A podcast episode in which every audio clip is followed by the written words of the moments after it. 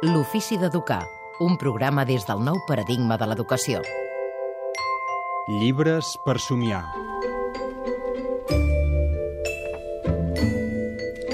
De la sortida del poble naixien tres camins. L'un anava cap al mar, el segon cap a la ciutat i el tercer no anava enlloc. En Martí Caparrut ho sabia, perquè ho havia preguntat a tothom, i de tothom havia rebut la mateixa resposta. Aquest camí? Aquest camí no porta enlloc, és inútil anar-hi.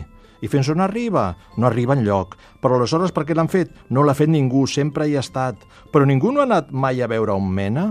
Aquest és l'inici d'un conte molt bonic que es diu El camí que no duia enlloc. I és un camí dels contes per telèfon del Gianni Rodari, un clàssic. Avui Un ens ha clàssic, portat el Jaume sí. Centelles, apassionat de la literatura i ja sentiu com disfruta ell amb els llibres, ens ha portat aquest clàssic. Però Sí. explica contes abans d'anar a dormir, per exemple. Sí, per- però quan parlem de Jenny Rodari ens hem de posar de genolls, perquè és de... Ens hi posem, És vinga, de reclinatori, ens hi ens posem de genolls perquè és, és el...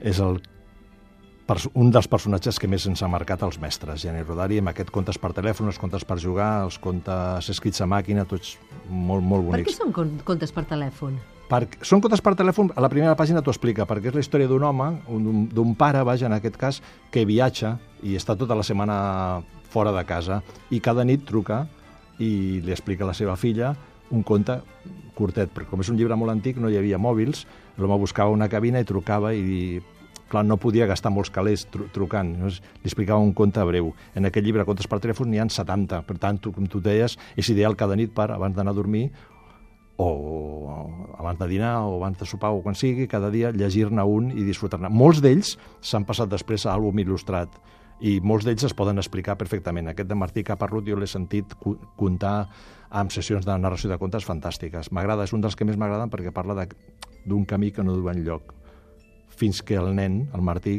s'atreveix a, a transitar-lo. I recorda molt el poema de Robert Lee Frost, eh, The Road Not, to Not Token, aquell poema tan bonic que el John Fisher Kennedy explicava o defensava en els seus discursos. No? Dir, hem de caminar per llocs on mai no ha passat ningú.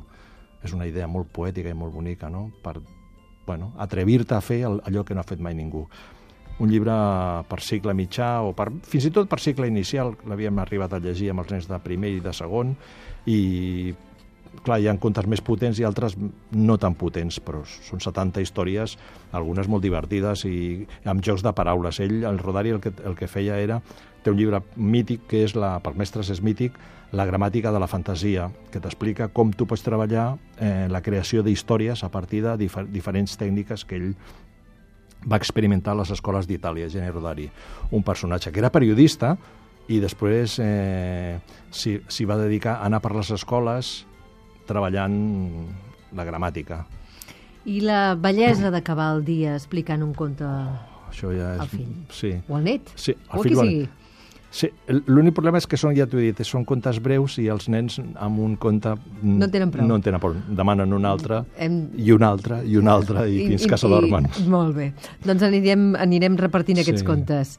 Moltes gràcies, Jaume Centelles. Avui aquest. Gianni Gianni Rodari... Rodari, Contes per telèfon, per telèfon. amb una traducció fantàstica de la Teresa Duran, editat per Joventut. I també té unes il·lustracions d'un tal Emilio Urberuaga, que és un senyor de Madrid que il·lustra contes infantils, en aquest, en aquest cas són en blanc i negre, però molt, molt, molt curiós. Doncs gràcies, Jaume.